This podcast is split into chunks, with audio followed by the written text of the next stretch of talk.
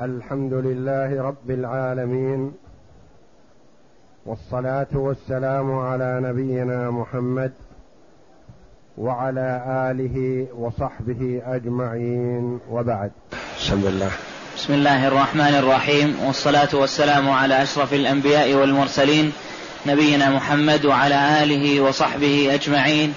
قال المؤلف رحمه الله تعالى باب الوقف. باب الوقف. الوقف هو تحبيس الأصل وتسبيل المنفعة. ومعنى هذا أن الأصل يكون محبس يعني لا يباع ولا يوهب ولا يورث وإنما هو باق يستغل والغلة هذه هي المنفعة. والمنفعة تصرف ولا يبقى منها شيء إلا لصيانته وإلا توجه في مصارفه مصارف الوقف. والوقف قربة وطاعة لله جل وعلا وهو أن الإنسان يجود بشيء من ماله في سبيل الله تقربا إلى الله جل وعلا ونفعا لمن أراد صرف الغلة فيه.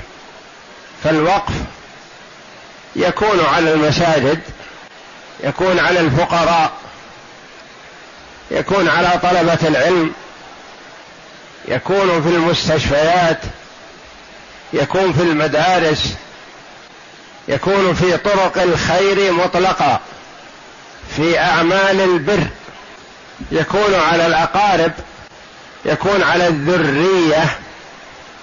المهم أن يقصد بهذا التقرب إلى الله جل وعلا. أن يقصد المسلم التقرب إلى الله جل وعلا ونفع من أراد صرف الغلة فيه. والوقف شيء والوصية شيء آخر. وبينهما اتفاق واختلاف في بعض الأحكام. سنعرفها ان شاء الله بالاستقراء في مواضعها من هذا الباب الذي هو باب الوقف. والوقف أفضل من الوصية لأن الوصية لا تنفذ إلا بعد الموت والوقف ينفذ من حين الإيقاف. إذا أوقف ووقف الشيء نفذ. وصرفت الغلة فيه. كان يقول مثلا هذه العمارة وقف. لله تعالى يصرف ريعها على طلبة العلم على تحفيظ القرآن. على فقراء مكة ونحو ذلك.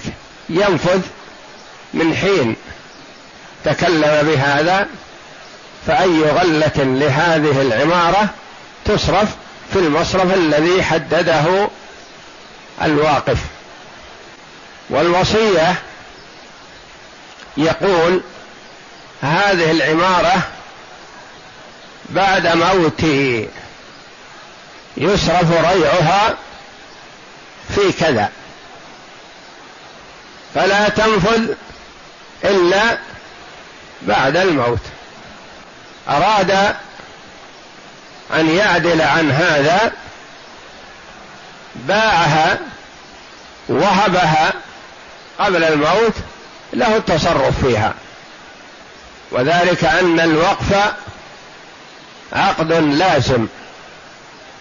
والوصية عقد جائز. والوصية ما تنفذ إلا بعد الموت وللمرء الزيادة فيها والنقص وله إلغاؤها وله تعديل المصرف وغير ذلك من التصرفات. أما الوقف فإذا وقف الشيء خلص خرج من ملكه ولا يملك التصرف فيه إلا بالتي هي أحسن له. فإن كان قد جعل لنفسه النظارة فله ذلك وإن لم يجعل لنفسه النظارة فهو كأي فرد من أفراد المسلمين. خرج هذا العقار من ملكه وصار لله تبارك وتعالى. يصرف ريعه فيما خصصه هو ولا يملك الزيادة فيه ولا النقص. يعني ما يملك أن يزيد في المصارف. بعد الوقف ما يملك. إذا قال مثلا على طلبة العلم وقرر ذلك وأثبته فلا يملك أن يقول يصرف منه للفقراء أو لتعبير لتعمير المساجد أو نحو ذلك. يكون في مصرفه الذي خصصه أولا. والوقف أفضل من الوصية لأن الوقف عقد منجز لازم. ولما سئل صلى الله عليه وسلم أي الصدقة أفضل؟ قال أن تصدق وأنت صحيح شحيح. تخشى الفقر وتأمل الغنى. ولا تمهل حتى إذا بلغت الحلقوم قلت لفلان كذا ولفلان كذا وقد كان لفلان. فإذا تصدقت وأنت صحيح شحيح فهو أفضل من أن تمهل حتى يكون عند الموت. ويقول جابر بن عبد الله رضي الله عنهما ما من أحد من أصحاب رسول الله صلى الله عليه وسلم ذا جدة إلا وقف.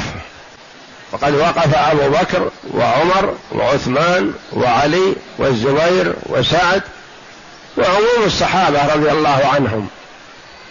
من كان عنده شيء سعة يقف.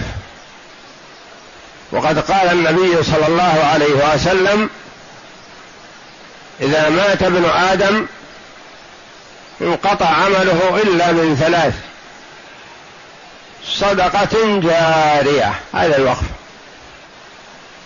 صدقة جارية. وقف شيء يستمر بإذن الله. حسناته فيه وزيادتها. ما دام ينفق من هذا الوقف في مصارفه فحسناته مستمرة. أو علم ينتفع به أو ولد صالح يدعو له. فإذا خلف ابن آدم شيئا من هذه الثلاث فإن عمله وحسناته ما تتوقف بموته وإنما تستمر. وسيأتي بيان الشيء الذي يصح وقفه. فمثلا الطعام ما يصح وقفه. والدراهم ما يصح وقفها. لأن الطعام ما ينتفع به إلا بإتلافه بأكله. والدراهم ما ينتفع بها إلا بإنفاقها. لكن العمارة يصح وقفها لأنها تبقى وريعها يصرف فيما خصصه فيه. أرض زراعية أرض تصلح عمارة تصلح دكاكين تصلح شيء منها مما يستفاد منه؟ نعم. وما كان وقف لا يباع إلا للحاجة أو لغبطة يصرف ثمنه في مثله. ما يباع إلا لضرورة أو حاجة أو غبطة. ضرورة كأن يكون مثلا ما يستفاد منه شيء بهذا الشكل. فيباع ويشترى بقيمته شيء يستفاد منه. أو غبطة كأن يكون ما يساوي إلا ألف فيعطى صاحب الوقف فيه قيمة أكثر يمكن يستفاد منه في مكان آخر أحسن. ويكون بيعه بهذه القيمة فيها غبطة يعني ساوى أكثر من قيمته وبيعه وتوليه للحاكم الشرعي ليس لصاحبه وإنما للحاكم الشرعي ولا يتصرف فيه الناظر إلا بإذن من الحاكم الشرعي من أجل ضبط الأوقاف وحفظها. نعم. ومع ومعناه تحبيس الأصل وتسبيل الثمرة. هذا معنى الوقف. ما هو الوقف؟ تحبيس الأصل. تحبيسه يعني حبس يمنع. ما يوهب ولا يباع ولا يورث. ما ينتقل وإنما يستغل. قد يقول قائل ولا يؤجر؟ نقول لا يؤجر من أجل أن تظهر المنفعة. فالأصل يحبس والثمرة تنفق. الثمرة سواء كانت ثمرة بستان أو ثمرة عقار إيجار وهكذا. والثمره يعني الريع الذي يحصل من هذا الوقف. ما يحبس الريع ولا يشترى به وقف آخر لا. وإنما ينفق في مصارفه فبعض الناس يجهل إذا صار ناظر على وقف أو وكيل أو نحو ذلك.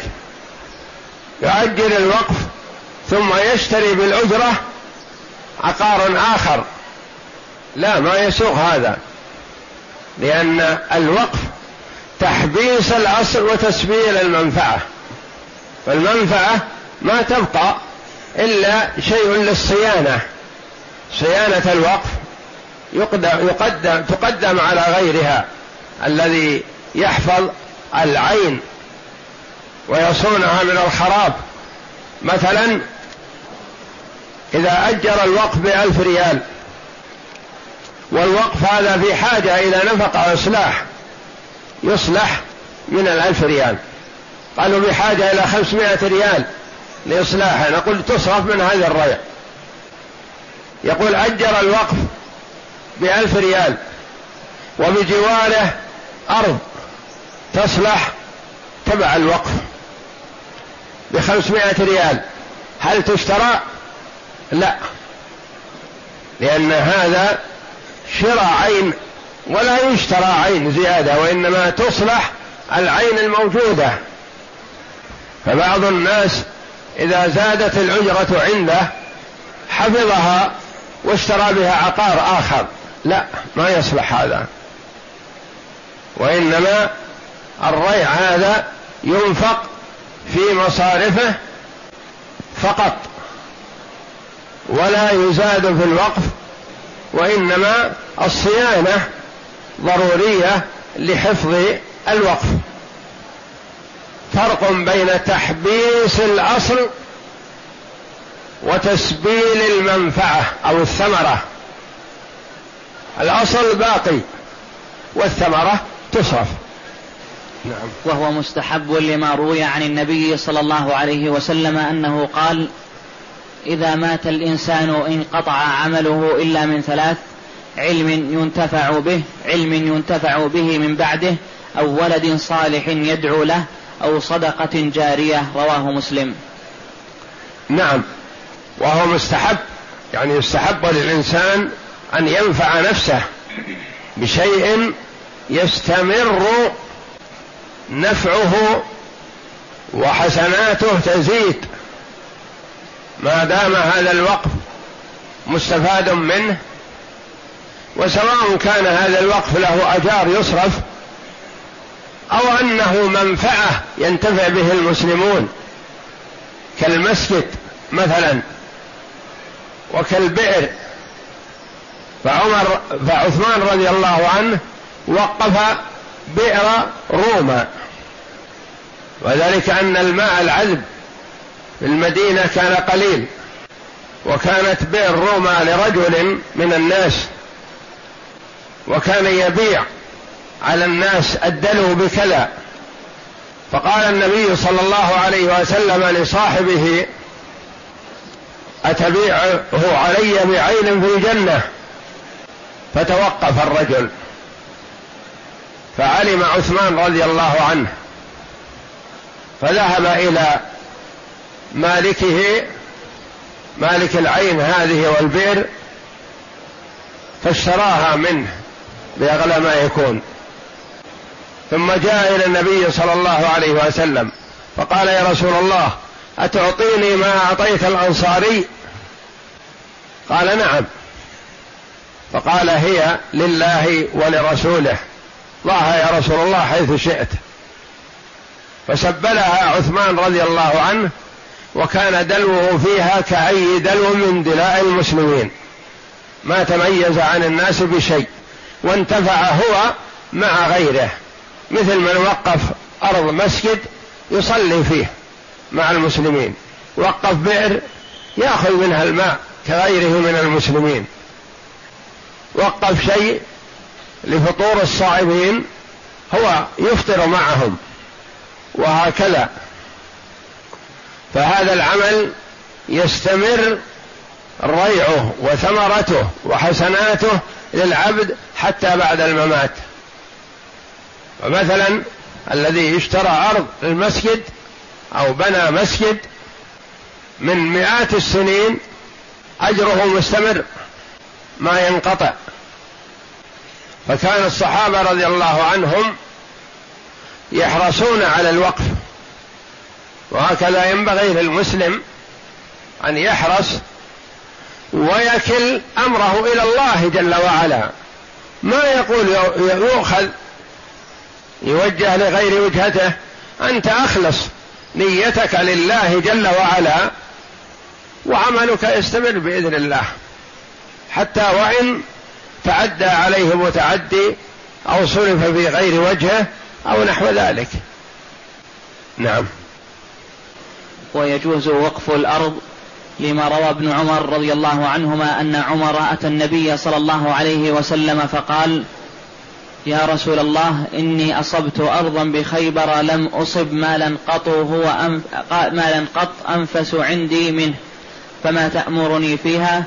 قال إن شئت حبست أصلها وتصدقت بها غير أنه لا يباع أصلها ولا يبتاع ولا يوهب ولا يورث قال فتصدق بها عمر رضي الله عنه في الفقراء وذوي القربى والرقاب وابن السبيل والضعيف وابن السبيل والضيف ولا لا جناح على من وليها أن يأكل منها أو يطعم صديقا بالمعروف غير متأثر منه أو غير متمول فيه متفق عليه.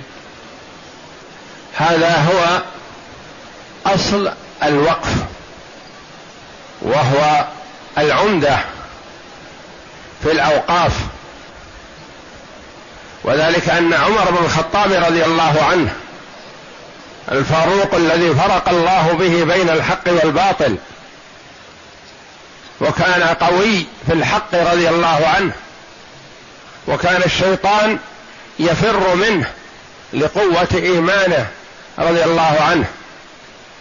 يقول ابن عمر ابنه عبد الله رضي الله عنهما أن عمر يعني أباه أتى النبي صلى الله عليه وسلم فقال يا رسول الله إني أصبت أرضا بخيبر.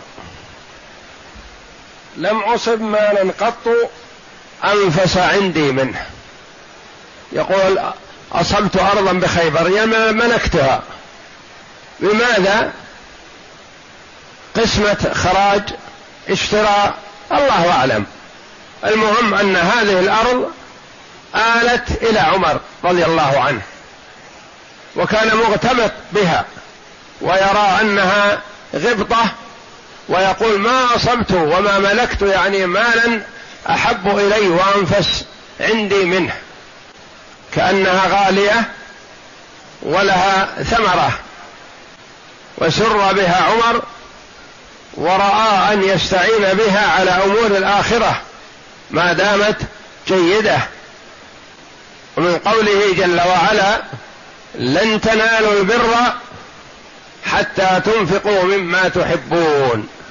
فيقول هذه أنفس أمالي وأحب مالي إلي فماذا تأمرني بها يا رسول الله؟ قال إن شئت يعني ما أوجب عليه النبي صلى الله عليه وسلم يعرض عليه عرض. حبست أصلها وتصدقت بها.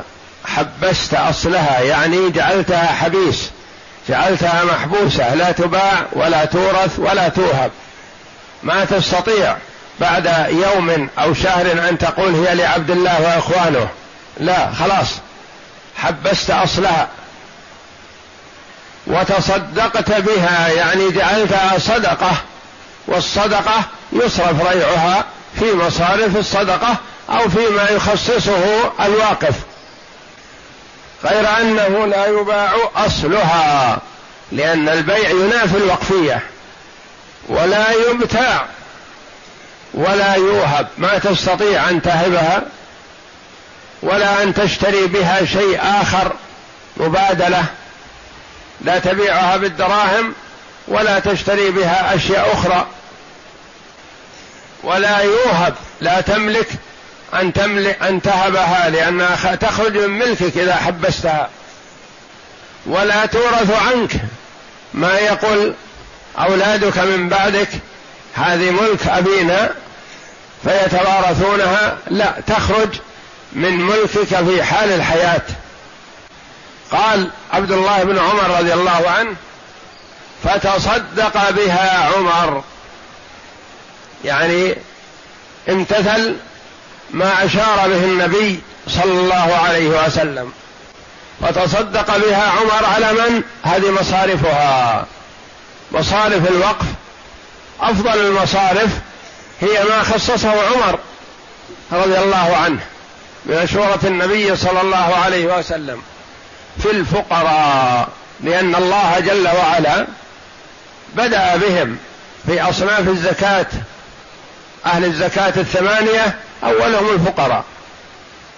لأن الإحسان إلى الفقير فيه خير عظيم للمرء يعطي من نفسه لأخيه المسلم الفقير يواسيه. وذوي القربى يعني قرابة عمر. للفقراء من عموم المسلمين وذوي القربى يعني قرابة عمر. وأفضل ما يتصدق الإنسان على قرابته إذا كانوا في حاجة. والرقاب الرقاب في اعتاق الرقاب يعني يشترى بها رقبة مملوكة وتعتق. أو يعان المكاتب. المكاتب الذي كاتب سيده على أن يدفع لسيده ألف ريال مثلا ويكون حر فيعان من هذه الغلة. وابن السبيل ابن السبيل هو المنقطع به في الطريق. جاء من بلاد بعيدة ولا معارف له ونسب إلى السبيل يعني الطريق كأنه يعني ماشي ما يستقر وليس له أحد يأوي إليه وإنما هو في الطريق. وهذه من أصناف أهل الزكاة. والضيف الضيف إذا جاء إلى المرء وهو وعنده من هذا المصرف فيعطيه ويضيفه. من غلة الوقف. لا جناح على من وليها أن يأكل منها. هذا يؤخذ منه أن الناظر يجعل له شيء مقابل تعبه وولايته واهتمامه بالسبيل والوقف أو يطعم صديقا بالمعروف يعني يأكل ويطعم الصديق. لأنه لو لم يذكر وأتاه ضيف أو صديق مثلا هو يسوغ له أن يأكل لكن الضيف الصديق ما يأكل.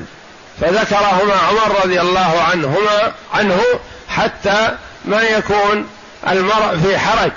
إذا أتاه ضيف أو صديق وهو يأكل من غلة هذا الوقف أن يأكل معه. غير متاثل منه. يعني ما يأخذ شيء يبقى معه وإنما يأخذ شيء يستفيد منه. في الحاضر ولا يأخذ له شيء يبقى له رصيد. أو غير متمول يعني ما يتمول الوقف ولا غلة الوقف بأن تكون يحتجزها لنفسه ويبقيها عنده. وإنما يأكل مثل ما يأكل من ذكر من الأصناف.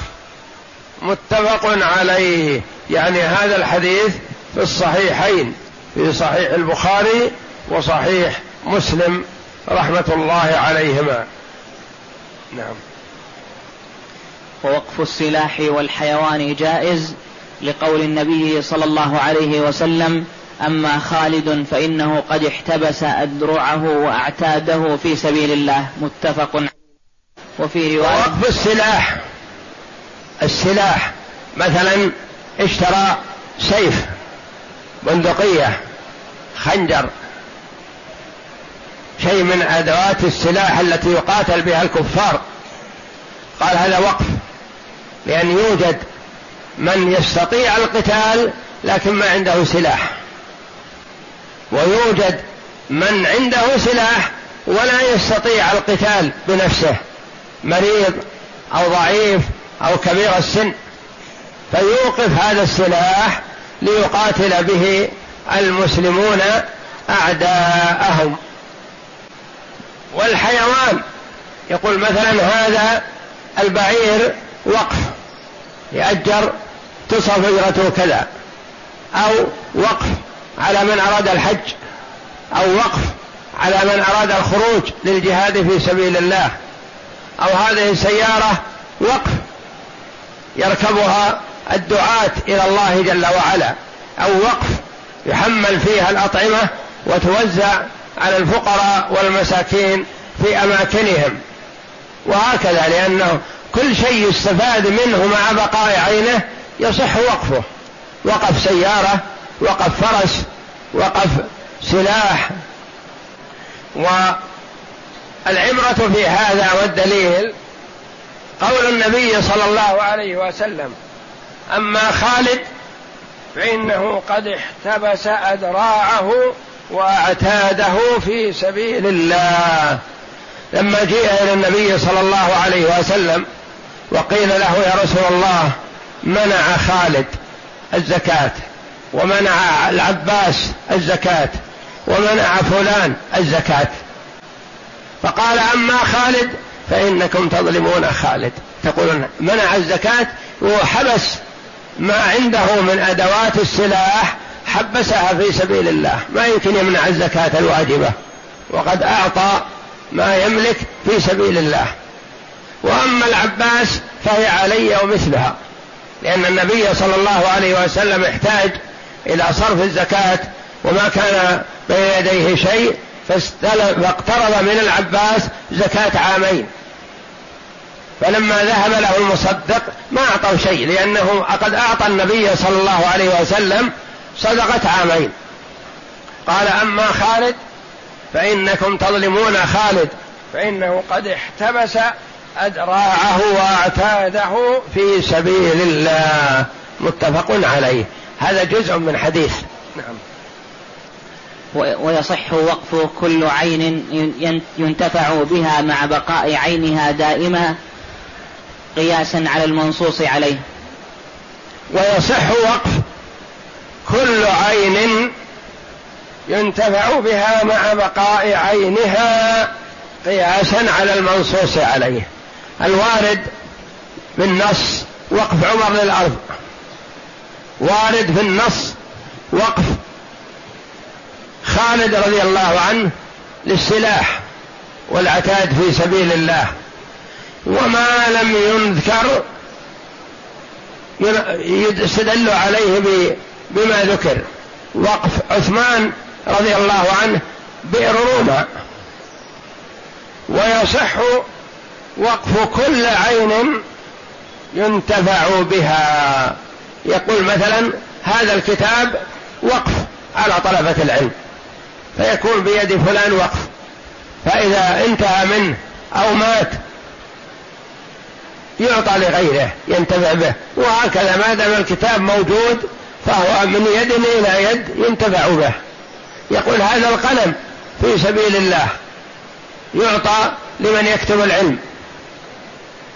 هذا اللباس مثلا في سبيل الله.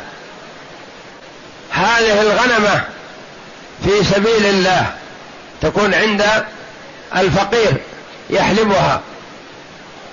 فإذا استغنى عنها يعطيها لفقير آخر. نتاجها يكون معها وقف. والفرس يركبها المجاهدون في سبيل الله ونتاجها معها وقف. وهكذا ويصح وقف كل عين ينتفع بها مع بقاء عينها دائما. يعني ما دامت موجودة بخلاف الطعام فهو لا ينتفع به إلا إذا أكل وإذا أكل انتهى. ما يصح وقفه وإنما هذا يكون صدقة. صدق بهذا الطعام يؤكل والدراهم والدنانير محل خلاف بعض العلماء رحمهم الله. قال ممكن أن ينتفع بها مع بقاء عينها. يقول مثلا هذا ألف ريال وقف. يقرض لهذا. أرى له حاجة فيقرض ألف ريال. فإذا وجد رد القرض فيقرض لآخر. فيمكن أن ينتفع بالدراهم مع بقاء عينها في قرضها. تقرض لمن ينتفع بهذا. يقول مثلا أنا أريد الزواج ولا عندي شيء وأريد المساعدة في الزواج ولا أريد من الزكاة وإنما أريد قرض. فيقال له نعم خذ هذا المبلغ قرض فإذا أيسرت فرده فإذا رده يقرض لآخر وهكذا. نعم. ويصح وقف المشاع لأن في حديث عمر أنه أصاب مئة سهم في خيبر فأمره النبي صلى الله عليه وسلم بوقفها. ويصح وقف المشاع مثلا دار بين ثلاثة إخوة ملك يؤجرونها ويتقاسمون الأجرة. يأتي واحد منهم ويقول نصيبي من هذه الدار وقف لله تعالى على طلبة العلم على الفقراء على المساجد. يصح ما يقال لازم أن يفرز لازم كذا لازم كذا لا يبقى. يقال هذه الدار ثلثها وقف وثلثان لكل واحد ثلث أصحابها. هذا الأخ من الثلاثة أو من الأربعة أو من الخمسة وقف نصيبه فنصيبه يصرف في مصارفه التي حددها والملاك لهم أنصباءهم. لأن في حديث عمر هذا هو الدليل رضي الله عنه أنه أصاب مئة سهم والمعروف أن مئة سهم يعني ما كانت قطعة منحازة بسورها بحدودها. له سهم من هذه القطعة الكبيرة من هذه الأرض الكبيرة أو له سهم من مئة مزرعة من مزارع خيبر وهكذا. نعم. وهذه صفة المشاع لأن القصد تحبيس الأصل وتسبيل المنفعة وهذا يحصل في المشاع كحصوله في المفرز. المفرز المقسوم والمشاع المشترك بين مجموعة ما تميز نصيب واحد من الآخر. فيصح وقف المشاع كما يصح وقف المفرز يعني المقسوم. ويصح وقف علو الدار دون سفلها وسفلها دون علوها لأنهما عينان يجوز وقفهما فجاز وقف أحدهما كالدارين. يجوز أن يوقف مثلا المرء يقول الدور الأرضي من هذا من هذه العمارة مسجد مدرسة مكتبة لطلبة العلم. والدور الأعلى أسكن فيه أنا ملك. ما وقفته. يصح هذا أن يجعل مثلا أو مثلا عمارة فيها خمسة أدوار يقول دور واحد منها وقف. يصلى فيه أو يدرس فيه القرآن والسنة أو يؤجر وأجرته تصرف على الفقراء والمساكين. يعني ما يلزم أن يكون الوقف منحاز مفرز ما يخالط غيره. لا ولو أنه سهم من مئة سهم جاز هذا. وحتى العين الواحدة يجوز مثلا أن يوقف بعضها دون بعض. يقول شرقيها وقف وغربيها وقف مثلا. يقول الدكاكين وقف وما خلف الدكاكين وما فوق الدكاكين ملك لي أسكنه يقول الشقة الرابعة في الدور الخامس وقف على كذا. يصح. يعني سواء كان شيء مفرز أو غير مفرز وسواء كان في شراكة أو لم يكن فيه شريك آخر. فالمرء إذا من الله عليه بأن يعطي من نفسه لنفسه لأنه ما يذهب بعيد. هو إذا خلفه بقي للوارث وإذا أوقفه استمر ريعه له. فهو المستفيد من هذا الوقف لأنه يبيعه على ربه تبارك وتعالى. والله جل وعلا يعطي العطاء الجزيل. فإذا أعطى الإنسان من نفسه لربه فالله جل وعلا يثيبه ويعطيه العطاء الجزيل. والله أعلم. وصلى الله وسلم وبارك على عبد ورسول نبينا محمد وعلى آله وصحبه أجمعين.